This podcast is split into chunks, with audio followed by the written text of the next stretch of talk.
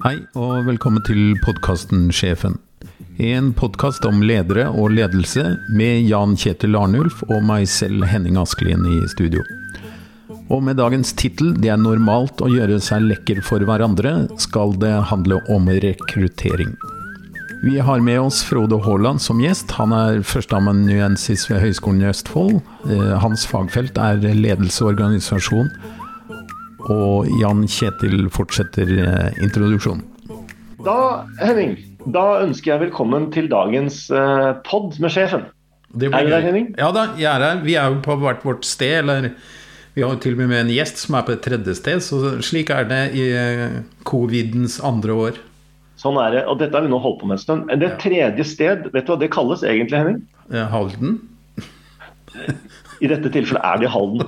Men nesten alt som foregår, foregår i Østfold. Jeg har skjønt det etter hvert i denne poden. Men um, nei, det tredje sted er nemlig ekstase. Ok. Ja, fordi det var, altså De gamle religionsforskerne de sa at det finnes to steder. Enten så tenker du tanken sjøl, Mhm. eller så kommer tanken til deg fra noen som sier det til deg på utsiden. Så Enten er det på innsiden eller på utsiden. Eller så er det et tredje sted, og det er det som er ekstasis. Det er det som er å være i ekstase. Ah, ok. Så Vår ekstatiske gjest i dag, det er Frode Huberts Haaland fra Høgskolen i Østfold. Velkommen, Frode. Jo takk, veldig hyggelig å være her. Er du ekstatisk i dag? Nei, jeg vil ikke si jeg er så eh, ekstatisk. Jeg er vel eh, inspirert av å diskutere ting som jeg syns er spennende, og som dere òg sier dere er interessert i. Så må vi se hva vi kan utvikle av resonnementer og tanker og, og nye tanker i dag. Det er i hvert fall hyggelig å ha deg her. Eh, og Det er kanskje bra at vi holder, vi holder ekstasen litt Vi holder den kontrollert. Eh, og det er vel noe av det eh, vi skal snakke om, da, er sant, å møte nye mennesker. Eh, og er den ekstasen som en leder har når han ansetter en ny ansatt, er det egentlig grunn til å holde fast ved ekstasen, eller er det grunn til å ha mer kontrollerte følelser i spill når man ansetter nyansatte? Så egentlig, så, egentlig da, Dette var en vanskelig måte å si på, at vi skal snakke om ansettelser og rekruttering og seleksjon, og hva som skjer etterpå. Uh, ja, og da uh, Frode, gratulerer da med bok. Det er jo, eh, vi, vi slår av litt for pandemien. Den er relativt ny. og 'Knytte bånd' heter boka di. Ja, den er relativt ny. Alt går jo seinere under pandemien. Det er en stor, tung bok vi har holdt på med veldig mange år. Jeg har eh, latt meg frustrere over at det som området som jeg syns er eh, kanskje noe av det aller, aller viktigste, eh, er så lite diskutert eh, i en norsk faglig sammenheng. For, altså, vi snakker om strategier og vi snakker om organisasjonsstrukturer. og Det er liksom ikke måte på fisjoner og fusjoner og kjernevirksomhet osv. Men det er jo menneskene som utgjør organisasjonen. Og hvem er det da vi bringer inn? Eh, det styrer jo hva vi faktisk kan få til. så Derfor syns jeg dette er et kjempespennende område. For saken er vel det egentlig at når man ansetter folk, så kan jo nesten hva som helst skje, kan det ikke det? Ja, og, og eh, det å ansette noen eller velge noen, velge seg jobb og velge arbeidstakere, velge blant kandidatene, det er jo en gjetning. Altså, du, du håper at dette kommer til å gå bra, og så krysser du fingrene. Og så er spørsmålet kan vi gjøre noe mer enn å krysse fingrene. Hvis jeg bare får lov til å begynne med det, Frode. Altså, hvorfor ble du interessert i det der med, med rekruttering? Altså, hvorfor interesserte det deg? Hva, hva var din innfallsvinkel til det? Nei, det, handler litt om det som jeg, som jeg nevnte, at, at uh, organisasjoner består av mennesker. Uh, og hvem menneskene er, det styrer man vi klarer å få til, og hvordan det vil fungere. Uh, alle som har vært på noen forskjellige steder, kan liksom si noen komme med sine vitnesbyrd om hvor deilig det er å jobbe sammen med inspirerende, hyggelige, greie folk, og hvor forferdelig det kan være når det er noen sånne råtne epler i, i, i teamet, hvor, hvor mye det kan ødelegges. Så Derfor så er, tenker jeg at skal vi forstå organisasjoner, skal vi forstå virksomheter, så må vi tenke hvem er menneskene, og hvordan er de, og hvordan er det vi får tak i ditt, hvordan er det de blir del av, av teamet. Så Det er egentlig interessen. Hvordan kommer disse her menneskene inn i organisasjonen? Hvordan blir de sånn som de blir? Når du, sier, når du sier dette med råtne epler, så er det ikke mer at det er feil person på feil plass. At ulike epler hører sammen. Epler og pærer. Vi kan kjøre hele fruktløpet her nå. Men, ja, Det er jo en, en, av, en av, variantene. Det er jo altså, for, for, feil person på feil sted. Eh, rett person på feil sted, feil person altså, Det er, det er ja. veldig mange varianter her. Eh, og Det som jeg syns er veldig interessant, det er når det som tilsynelatende kunne ha vært en eh, rett person på rett sted så blir det bare feil. Mm. Altså Det er et eller annet som skjer.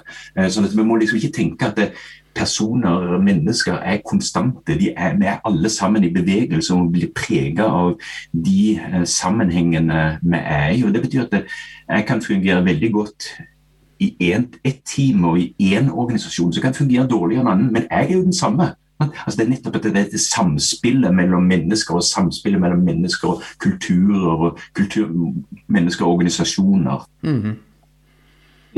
Jeg har lyst til å starte, for det er, det er, jo eh, umiddelbart forståelig, og det, det, er mange lag da virker på meg den løken der. Men vi kan jo starte med det, liksom, den ene greia. Hvis, hvis, jeg skal ha en sjåfør, så må jeg ha en med førerkort. Mm. Hvis jeg skal ha en lege, så må jeg ha tak i en person med embetseksamen i medisin.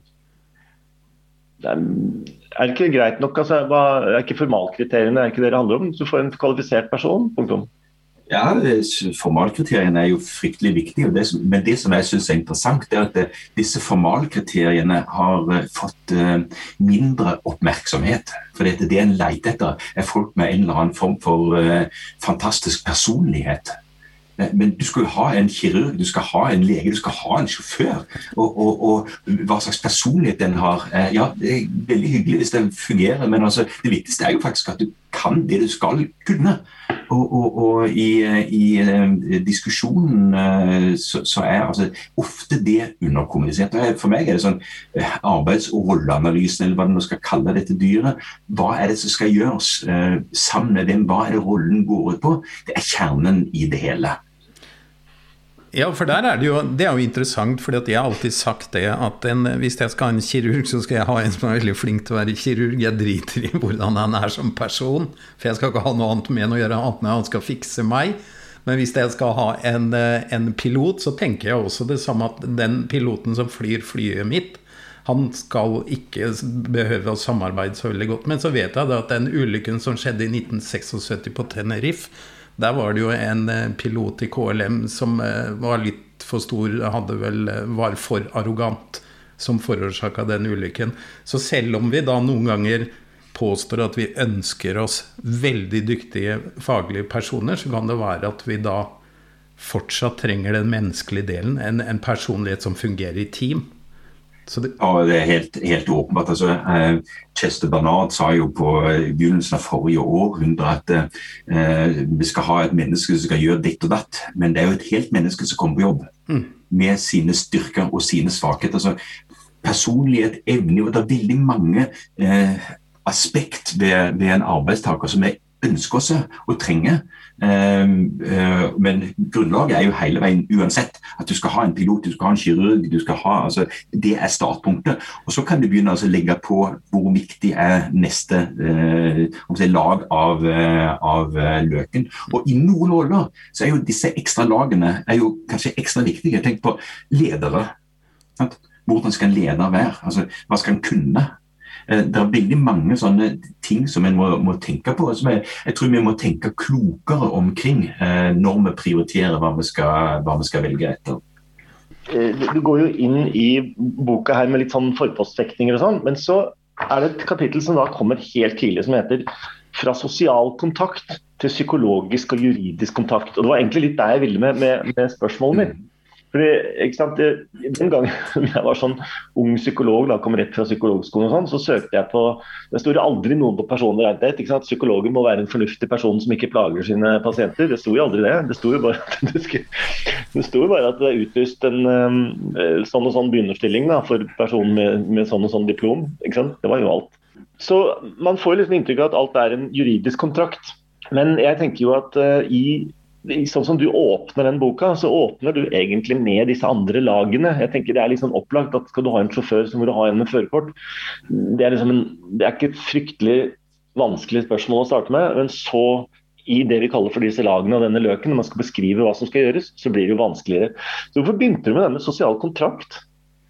Altså, eh, vi, vi, har altså ofte tenkt at en ansettelsesprosess handler om å få signert en, en, juridisk kontrakt. Men en ansettelsesprosess er jo et møte mellom mennesker, og et møte mellom forventninger, ønsker og drømmer. Altså, det er både hva er det arbeidsgiver, eh, rekrutterer, leder ønsker seg og forlanger og håper på sine, eh, fra de som søker, og hva er det de som søker Eh, håper å få fra en ny jobb. Så Hva slags type ønsker og drømmer er det en har for en ny, eh, ny arbeidsplass. Og den, den, eh, prosessen der partene møtes, snakker sammen, har noen forpostfektninger om hvordan dette skal være. Og så etter hvert så blir en enige om at, at dette tror jeg kan fungere bra. Han sjefen liker jeg, denne arbeidstakeren har, den kandidaten har jeg tro på. Og så etter hvert så begynner vi liksom å knytte noen sånne tette bånd. Derfor dette begrepet å knytte bånd kommer. Så at det, egentlig handler om å finne ut av det med hverandre og finne ut at det, jeg syns dette er vel verdt strevet. Jeg har lyst lyst til å jobbe sammen med disse personene, med disse arbeidsoppgavene, denne teknologien osv. Det, det er like mye en, en, eh, et, et, sosialt utgangspunkt eh, og et psykologisk utgangspunkt som det er sånn rent praktisk. Er, altså, gjelder dette alle stillinger? Gjelder det også lederstillinger? Det gjelder i høyeste grad lederstillinger der de kanskje starte der det gjelder minst. så er det nok, altså, der er eh, callsenter, altså det, er det er ingenting som er forska så mye på som callsenter. Altså det er en eller annen student som skal ha seg en jobb i tre måneder, og så skal han dra derifra.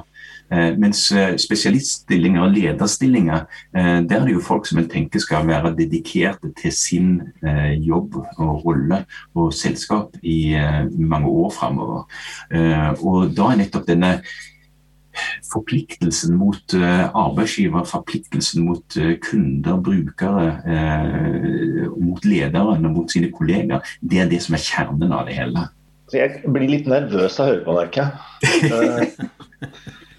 fordi, at, fordi at du maler et bilde av noe som høres egentlig så høres ikke så lett ut. Altså, mm, for det er, de, det er, det med formalkriteriene på en måte at det er, det er greit. da.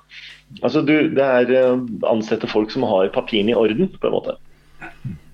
Men det du gjør nå, er at du går jo ganske langt ut i å forsøke å beskrive eh, hva skal vi si, samhandling mellom folk i vid forstand som sentrale skal vi si, uh, karakteristikker eller som sentrale kriterier for om dette kommer til å gå bra det er jo ikke sikkert. Altså, Henning, altså, du, du, måtte jo ta deg litt i det der at det er ikke bare å ha en, en, en, en narsissistisk, aggressiv og jævlig kirurg, bare han er flink til å skjære. Altså, det, er, det er på en måte et minimum. Men jeg tror altså egentlig at et, et minimum av empati og, og, sans for eh, kundens behov er viktig der òg, altså. Ja, det tror jeg. Så det er men, det, men, for å rygge litt, det, det, du sa, Frode, om at uh, relasjonen i grunnen begynner ved hva skal man si, den direkte kontakten med relasjonen begynner jo faktisk ved jobbannonsen. Ja, og det begynner egentlig enda før det, igjen, Henning. For det begynner i hva er jeg frustrert, er frustrert over i min nåværende jobb, og som jeg håper at en ny jobb skal gjøre. Ja, ja, ikke sant? sant? Og, og, og, dette varer jo altså Det starter altså, lenge før du, du, egentlig ser annonsen, og så varer det jo til to-tre år etter at du har begynt i ny jobb. Så ansettelser er altså et mange mange års fenomen. Vi vet at turnoveren blant nyansatte er høyere i to til tre år. Ja. Så Vi kan liksom se to-tre år etter tiltredelse, og så kan vi se eh, kanskje eh, et år og to og tre før tiltredelse òg. Ja. Eh, fordi det nettopp er altså et møte mellom ønsker, drømmer, forventninger og håp. Eh, lønnlige håp, ikke minst. Ja, ja fordi disse, disse jobbannonsene de, de, er vel noe av de beste jobbene du kan ha, kan jeg se. Når jeg leser dem, i alle fall. De er veldig bra. Ja, jeg har, jeg har, et prosjekt der det var å, å samle på sånne jobbannonser eh, fra LinkedIn og sett hva er det Det, det, er, det er, jo fantastisk altså hvor mange framoverlente og, og, og, skarpe kniver. og Det er ikke måte på. altså Det er jo stort sett bare tøys. Det er, er ikke mulig å, å verken tilfredsstille kriteriene eller andre ganger å forstå overhodet hva det de egentlig ber om. altså Vi hadde jo den, vi hadde jo den um vi hadde jo den, eh, det munnhellet vi kalte det for at vi er, når jeg var eh, en liten periode som hodejeger, at vi kalte det at nå er vi på jakt etter et kålhode med barter. I, eh, noe som det er veldig vanskelig å finne, da, oftest, med mindre noen har juksa. Men, og da mente Henning da at, at det var jo mulig å få det til eh, hvis vi utlyser stillingen i, i Adresseavisen. Men, men uh, vi, vi, skulle jo ikke ha etniske stereotypier her. Uh, altså, det var det som gjorde meg nervøs da, Frode, i den beskrivelsen din. Er sånn, det er jo en ganske arbeidskrevende prosess. og da, uh, sant, Når du sier gå et år tilbake, så begynner du å lure på sant, hvor mye vet de som lyser ut stillingen om den jobbens natur? Altså, Hva veit den som skal ha en person, om hva som kommer til å kreves i den jobben? Allerede der høres det ut som for meg som at det er det er jo ikke sikkert at alle sjefer vet det. Nei, og, og med stadig mer sånn eh, ledelse på distanse og eh, høye hierarkier med, med, med, mange underordnede, så kjenner jo ofte ikke sjefen den enkeltes uh, arbeidsoppgaver engang. Og langt mindre hvilke utfordringer som ligger der. Uh, så, så det er klart at dette, dette, er, ikke, dette er ikke lett. Og, og, og, samtidig så har vi jo det at det, Eh, det vi etterlyser, er ganske sånn diffuse kategorier. Altså, eh, hvordan kan du vite om en person vil samarbeide godt med sine kolleger? Altså, veldig lite arbeid. Nå er arbeid, arbeid, nesten alt arbeid har blitt samarbeid. Så Det er veldig mange sånne aspekter du skal, skal se på, på, samtidig for å prøve å, å, å, skape en match. Men jeg tenker det er en sånn en eh, eh, ikke vei ut av det, men altså en, en måte å, å, forstå det her på. det Når vi skal velge noen, så velger vi en vi har tro på. Så kan det være gode eller dårlige grunner til det. Gode eller dårlige verktøy. Men det er en gjetning uansett. Og Så kommer da første arbeidsdag. og Da begynner vi å forme vedkommende inn i en ny støpning, en ny støpeform. Sånn at det, Den lærings- og tilpasningsprosessen som skjer uansett, det er jo måten vi reparerer våre gjetninger på.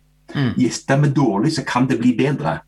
Uh, og Hvis vi følger folk godt opp i prøvetida, altså første seks månedene, så kan vi òg da uh, justere eller å avslutte før vi liksom er stuck med en arbeidstaker. Hvor gode er vi til å gjette? Fryktelig dårlig. fryktelig dårlig. Og Det er jo derfor òg eh, veldig mye av dette feltet liksom er, er, dominert av psykometrikere med, med, med, mengder av spørreskjema spørreskjemaer og skåringer eh, osv. Fordi at vi vet at noen personlighet er viktig, vi vet at evnenivå er viktig, altså vi vet at noe med kompetanse er viktig. Så hvis du kan måle det, så har du en bedre gjetning. Eh, men det hjelper lite hvis arbeidsgiver har gjetta riktig, hvis arbeidstakeren, jobbsøkeren, ikke er interessert i jobben. Mm. Ja. Så, så dette Utvelgelse er jo en, det, er gjensidige, det, det, er gjensidige valg. Uh, og, og, Det betyr altså at arbeidsgiver kan øke sin sannsynlighet for å treffe riktigere. Men uh, jobbsøkeren, kandidaten, er jo ikke noe bedre stilt. Kanskje enda dårligere, fordi at uh, der vi i gamle dager hadde lange sånne der, samtaler, løs løse samtaler. altså Nå heter det jobbintervju, så er det kompetansebasert og situasjonsbasert. Stadig mer strukturert ut ifra arbeidsgiver sine premisser. Og mm. det løspratet som ofte har gjort at eh, jobbsøkerne, kandidatene, har sett er dette en person jeg har lyst til å jobbe sammen med. Mm. Men nå ser jo ofte ikke eh, kandidaten ser ikke sin egen framtidige sjef før i finaleintervjuet, gjerne. Helt fram til da så er det altså bare rene, løse gjetninger på hvordan det er. Så, men, men Frode, det var noe av det som jeg tenkte at jeg, jeg tror dette består jo da, sånn som du sier nå, så består jo denne rekrutteringsprosessen av litt sånn ulike typer kompetanse, også for den som rekrutterer. da. Altså, du skal, øh, du skal ha gjort deg en tanke om hvordan jobben er. Altså Hva kommer til å bli krevet i den jobben? Men så skal du ha en slags selvrefleksjon. for at Vedkommende skal jo passe til meg og teamet rundt. ikke sant? Så hvem kommer kollegaene til å være og, og dette her. Men så sier du også det at eh, jeg må ta meg tid til å bli kjent med vedkommende. ikke sant? Uh, og så tenker jeg jo at der er det to ting da, som jeg tenker uh, ikke alle rekrutterere har helt sånn styrt på sjøl. Skjønner de selv noe av andre folks psykologi. ikke sant? Og tar de seg tid til det, eller går de på magefølelsen? Hvor god er magefølelsen vår? Den er fryktelig dårlig. Altså, det er det som er morsomt. I løpet av noen eh, millisekunder så kan jeg liksom vite om en person jeg ser i et mørkt smau, om vedkommende er farlig eller ikke. Men hvis vi bruker samme millisekundene for å vurdere om en arbeidstaker er en god match, da gjør vi noe feil. Sånn, vi, vi gjetter veldig, veldig presist, og vi kan ta fullstendig feil. Det er noe av utfordringen. for Vi lærer oss at vi, ofte så treffer det. Men det er ikke alltid det treffer. og De gangene vi ikke treffer, så har vi ofte en tendens til bare å gå videre. Det er som Winston Churchill sa, det hender vi snubler i sannheten, men stort sett så kommer vi oss på beina så går vi videre som ingenting skulle ha skjedd. Og Derfor så unngår vi å lære. Eh, vi bringer ofte ikke eh, med oss eh, Vi har en sånn gjetning fra utvelgelsesprosessen. Hvordan er denne personen? Men ser vi tilbake på det etter et år, var den gjetningen riktig? Nei, da har vi ikke tid til det. Men det er jo da, da du begynner å eh, frisere dine egne tanker, dine egne tanker og forestillinger om hva er en god arbeidstaker, og hvordan kan jeg forutsi hvem som vil, eh, vil bli god. Blir det, det, blir det, blir jo det samme som når vi, når vi kjøper bil. Hvis jeg velger en bil så er den bilen mye bedre dagen etter jeg har valgt den, enn dagen før jeg valgte den. For da har jo jeg tross alt valgt den. Da forteller jeg mine venner at der fikk jeg tak i en fin bil. Og det samme gjør vi kanskje når vi velger ansatte, eller vi velger en, en kandidat. Nå har jeg fått tak i en dyktig kar på jobben som skal gjøre en god jobb for meg. Og da vil jo jeg forsterke uh, at jeg har gjort et godt valg, jeg er flink til å velge og greier. Og da vil jeg jo stole på det valget veldig lenge, inntil det smeller antagelig. Ja, og, og, og, og, da har han plutselig glemt at en syns at vedkommende var, var et geni eh, de første, det første halve året. Sant? Jeg var så flink til å velge, men han var dårlig. ja, sant. Det er jo aldri Det er jo, aldri, det, det er jo det interessant, interessant altså Dette er jo Du, Kjetil, har jo jobba med sånn pargreier, sånn familiegreier. Sånn. At vi skal se eh, en sånn parterapi, kun se den fra arbeidsgivers ståsted. For fra mannen sitt ståsted. Altså Hvis en parterapeut hadde tenkt tanken, så hadde du sagt du er ikke profesjonell. Men 95% av alt som noensinne er skrevet om ansettelser, er skrevet fra et arbeidsgiverperspektiv. Og jeg tenkte sånn, Hvem i all verden er det som har bestemt at dette er forskning? Men å ivareta til og med den sterkeste part. Dette er, dette er tosidige prosesser, det er tosidige valg. Eh, og, og, når noe ikke fungerer, så kan man alltid skylde på den ene eller den andre, men det er jo et samspill.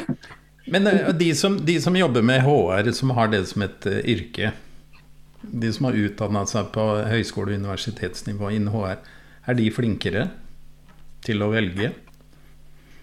Det er jo i alle fall en del som har, eh, har blitt uh, godt skolert innenfor deler av dette, dette feltet. Uh, du Kjetil har vel, har vel, hatt noen av de studentene. altså Der finnes, der finnes jo spesielle HR-utdannelser, og, og, noe av dette er jo, er jo bra saker. Men det er jo ikke bare et forskningsfag, det er jo et praktisk fag. altså det du faktisk må, må eh, ja. gjøre, det, gjør det noen sånne ta noen beslutninger og så se hvordan det går. og så må ja, det, det, det, hadde jeg også lyst til å komme og gå fram til. for at eh, det vi ser da, altså, Nå kan jeg prøve å være litt seriøs fra min side, som jeg, også har faktisk, jeg har også faktisk forska på, på rekruttering en tida. Det begynner å bli en stund siden. Men, men det, og det er jo, dette er veldig vanskelig, og det er derfor det er fint å høre med Frode. For at han har jo utrolig bred, et bredt erfaringsgrunnlag i dette. Men jeg har lyst til å si er at det, I forskningen på rekruttering så sier de at uh, bare litt strukturering gjør allting du gjetter mye bedre hvis du bare har litt strukturering.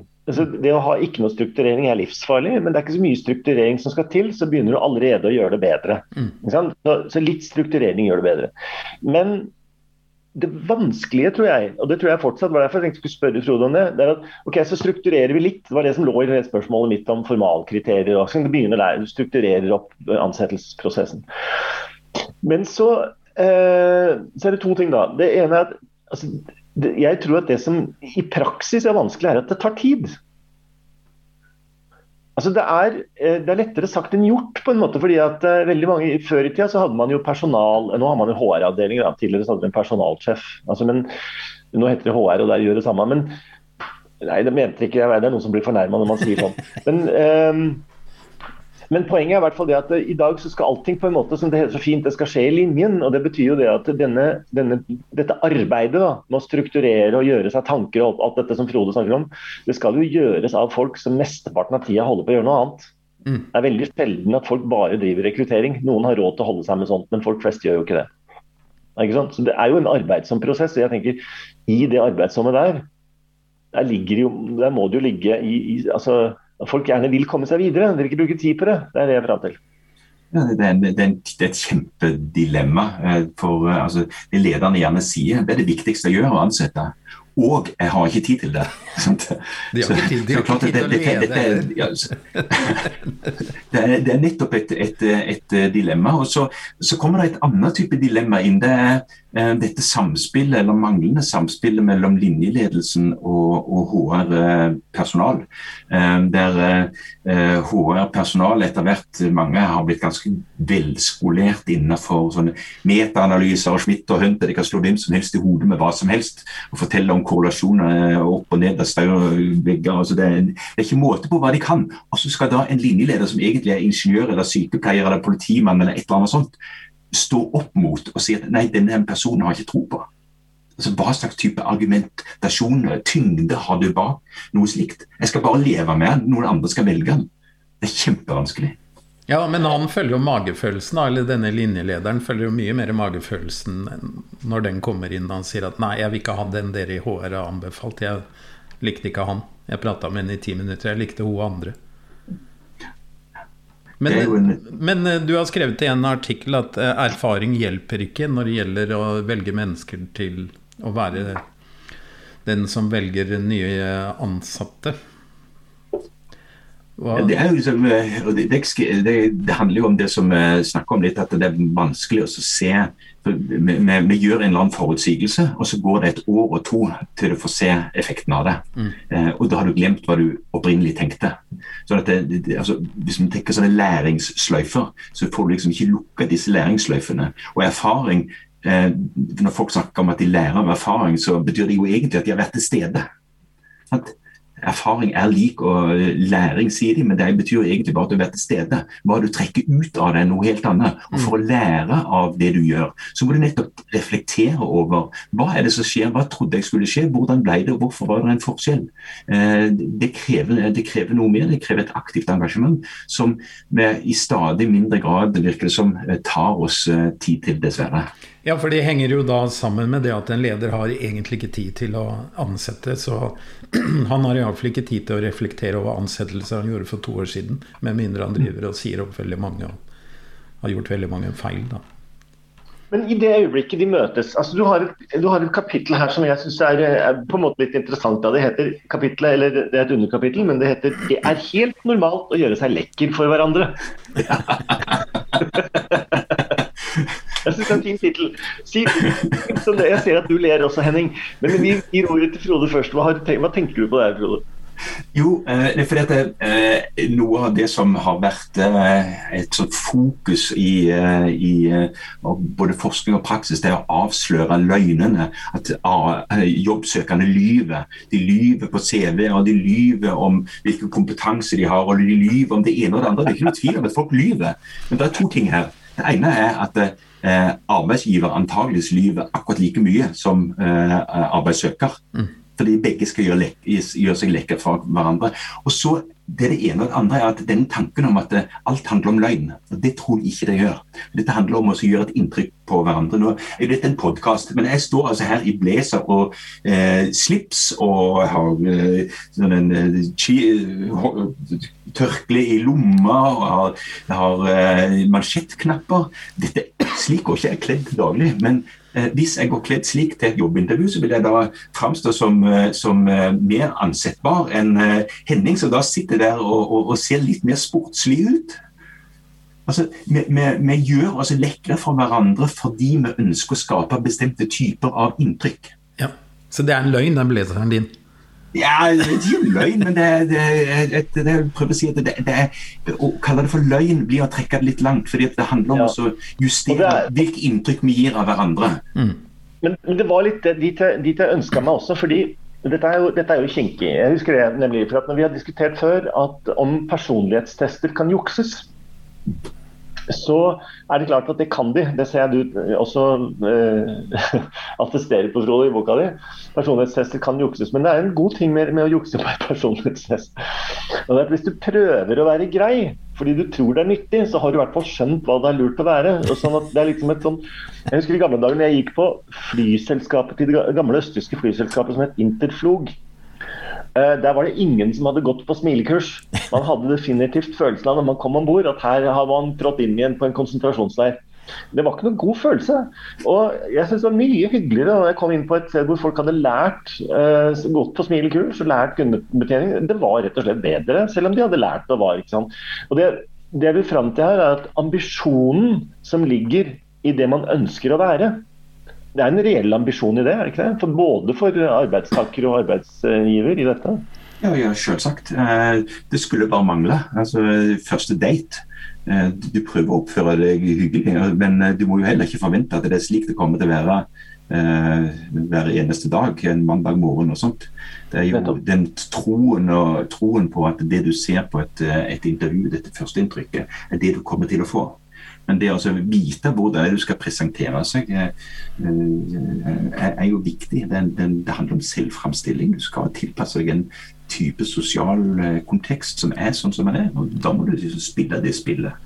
Men hvis du, da, hvis du da er en slik kameleon, så kan det jo egentlig da, da, skaper du jo situasjoner som gjør at du egentlig til slutt ikke passer inn i rollen. da. Du fremstår som en veldig omgjengelig, hyggelig person som kan uh, samarbeide godt i gruppe, og så viser det seg at når du har vært på jobben i tre uker, så klarer du ikke å holde den fasaden lenger.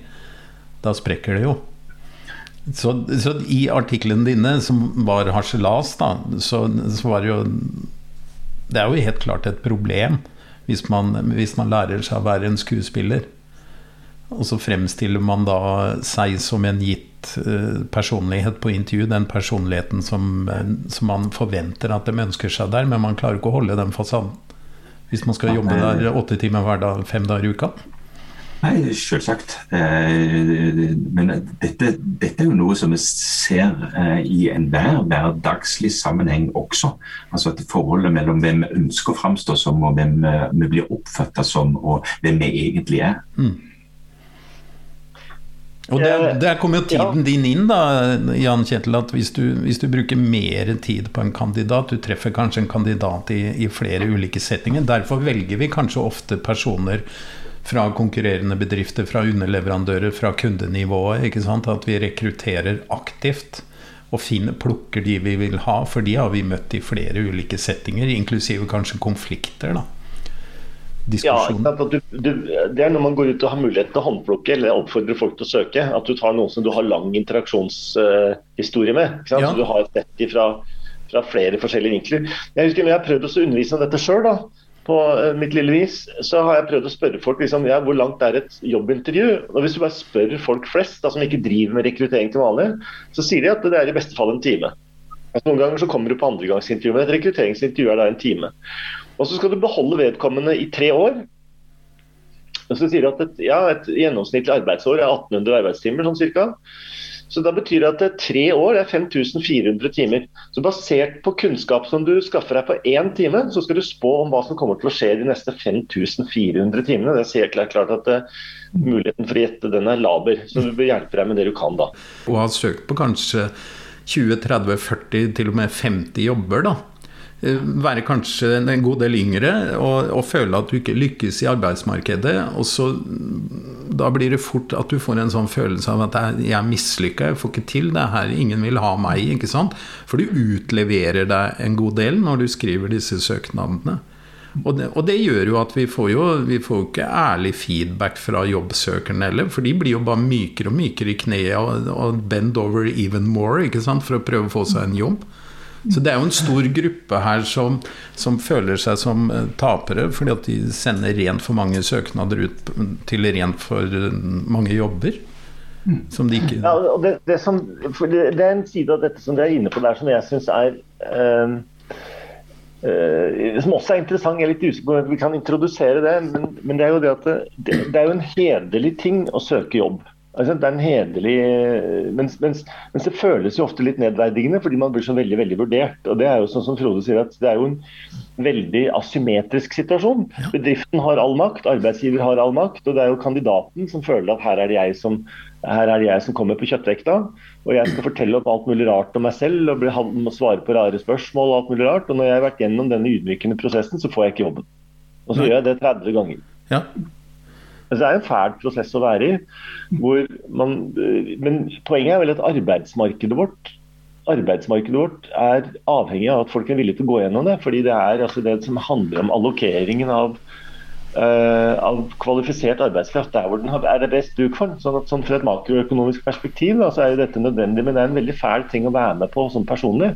Men hvis du, hadde, hvis du hadde, snudd det, da, at du hadde sagt da, bare sånn i nytenking, da, at vi hadde hatt alle alle arbeidssøkende, da, alle som har lyst til å ha en jobb, de kunne registrert uh, seg da på en sånn uh, webside, la oss kalle den LinkedIn for moro.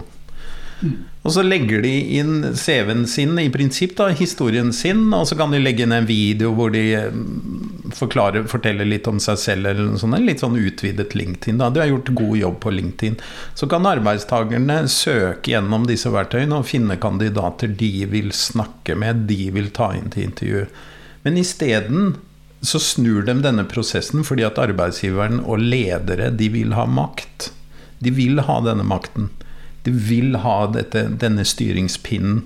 At det er de som bestemmer når søknader skal sende inn, når de skal kalle inn. De vil ikke gå ut og lete.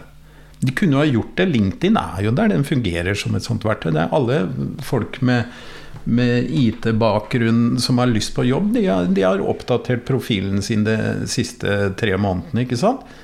Så kan du gå ut og finne dem du vil ha, og headhunte dem på, på reelt vis. Nei, de vil ikke det. De vil at de skal søke og stå med lua i handa. De vil gjerne ha 100 søkere til den samme jobben. Det er jo det er valgt fra arbeidsgiveren, dette her. Det er jo arbeidsgiveren som velger dette. At det er sånn vi vil ha det. Nå gjør du det til å være noe intensjonelt, noe ønsket og kanskje litt ondsinnet fra arbeidsgiver. Jeg tror ikke det er så enkelt. Riktig. Jeg tror, jeg tror det her er administrative, den administrative tenkningen. altså En administrativ logikk som styrer det hele.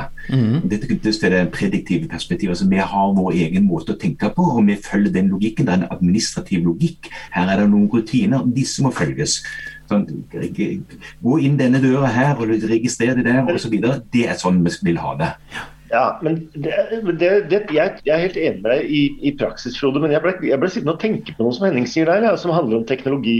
Og det er at eh, På en måte så er jo teknologien som finnes der ute, den er sånn som Henning sier, den er lagt opp etter det maktforholdet som du snakka om først. Ja? Arbeidssøkeren er en person som forventer å ta på seg konfirmasjonsdressen og stå i kø utafor arbeidsgiveren kan sitte med beina på bordet og røyke sigar og se an folk. Altså, det er et sånt sånt uh, ja, karikert bilde av, av, maktrelasjonen. Men man kunne jo tenke seg, da, på samme måten som vi begynner å få det når det gjelder delingsøkonomien, da, på Uber og booking.com og hva vet jeg, liksom, hvor folk har Men det er at det finnes um, Altså at det ville finnes skal vi si, mindre presserende børser for meg og min arbeidskraft og de mulighetene jeg har som kommer ut her. Altså når vi prøver det f.eks. Med elektrisk strøm, da, på kraftbørsen, så har jo forbrukermarkedet gjort det sånn at du kan gå ut og se hva de ulike eh, selskapene tilbyr av avtaler, og prøve å finne ut av hvor mye det kommer til å bli for deg. Og Det som du beskriver Frode, i boka di, er jo at veldig mye rekruttering er egentlig utløst av litt kritiske hendelser. Folk slutter fordi de blir forbanna. Folk må ansette noen og har ikke tenkt over hvem de skal ha. Ikke sant? Det er veldig mye sånn uh, ja, det, det, er utløst av dramatiske og ikke fullt så dramatiske, men hendelser. Det er ikke sånn at jeg er der ute og sjekker av regelmessig min verdi på arbeidsmarkedet mot tenkelige altså, uh, tilbydere der ute. Da. Så her er det vel egentlig et, et marked for teknologier eh, som bidra til å øke møtet mellom, mellom arbeidssøker og arbeidstaker. Ja, du snakker litt sånn Tinder. Ja, litt. Stryk til høyre, stryk til venstre. Ja, altså, snakker om kraftbørs. En personlig ja. kraftbørs, kanskje mer enn Tinder. Ja, nei, fordi at, uh, Det er nok en av de tingene jeg tenker at uh, digitalisering kommer til å hjelpe oss med. Det er bedre matching.